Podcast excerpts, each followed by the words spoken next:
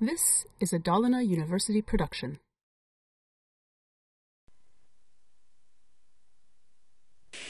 Vi ska göra ett litet program som räknar ut räntan på ett insatt belopp under en tioårsperiod. Alltså hur, om jag sätter in ett fast belopp och så får jag 5% ränta. Hur mycket har det här beloppet ökat under en tioårsperiod? Ni ska få se hur programmet ser ut när vi kör igång det. Första året så får vi en 50-lapp extra. Andra året så ökar det på lite grann och ni ser hur det här insatta beloppet på 1000 ökar under en tioårsperiod. Så har vi haft det på banken under en tioårsperiod mot 5% ränta så kommer vi att ha 1600 ungefär på kontot. Hur är programmet gjort?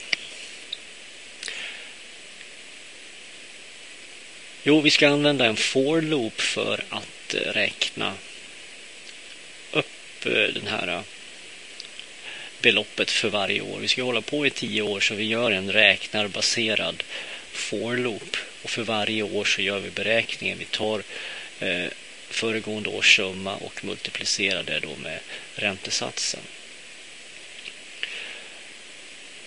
Men för att kunna göra det här programmet då, så måste det vara ett antal variabler som vi deklarerar och det gör jag på rad 14. Uh, eh, amount är det belopp som eh, finns efter årets slut med den nya räntan. Principal som kallar här det är det belopp jag sätter in första året. Och rate är räntan.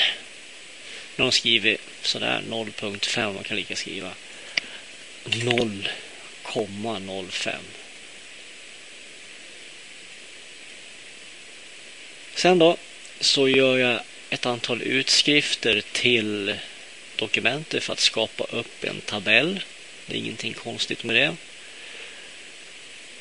Och sen därefter så på rad nummer 26 så börjar den här for-loopen. Jag initierar en variabel year till 1 och vi ska köra den här loopen så länge som year är mindre än eller lika med 10 och för varje varv i loopen ska vi räkna upp året med 1. På rad nummer 27 nu då så ska vi för varje varv i ropen räkna upp den här amount-variabeln. Så då tar den det belopp som är insatt gånger. Och här använder vi då ett eh, objekt som finns med i JavaScript-språket som heter Math. I Math-objektet så finns det ett antal metoder som kan hjälpa oss med beräkningar och en är sån här power of som räknar med upphöjt i. Så tar den 1.0 plus rate som var 0,05 och tar den räntesatsen då upphöjt i det år vi befinner oss på.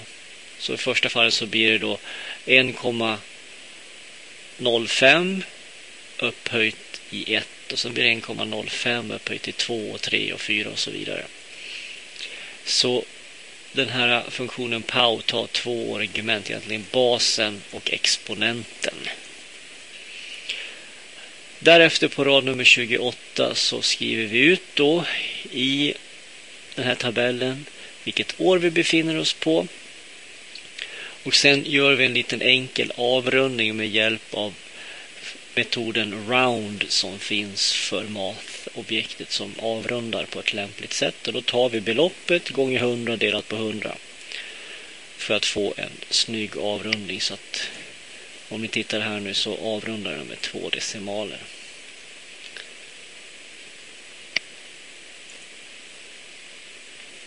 I det här programmet så introducerar vi det nya objektet Math och två stycken metoder som hjälper oss. Power of, där man använder en bas och exponent och sen avrundningen round.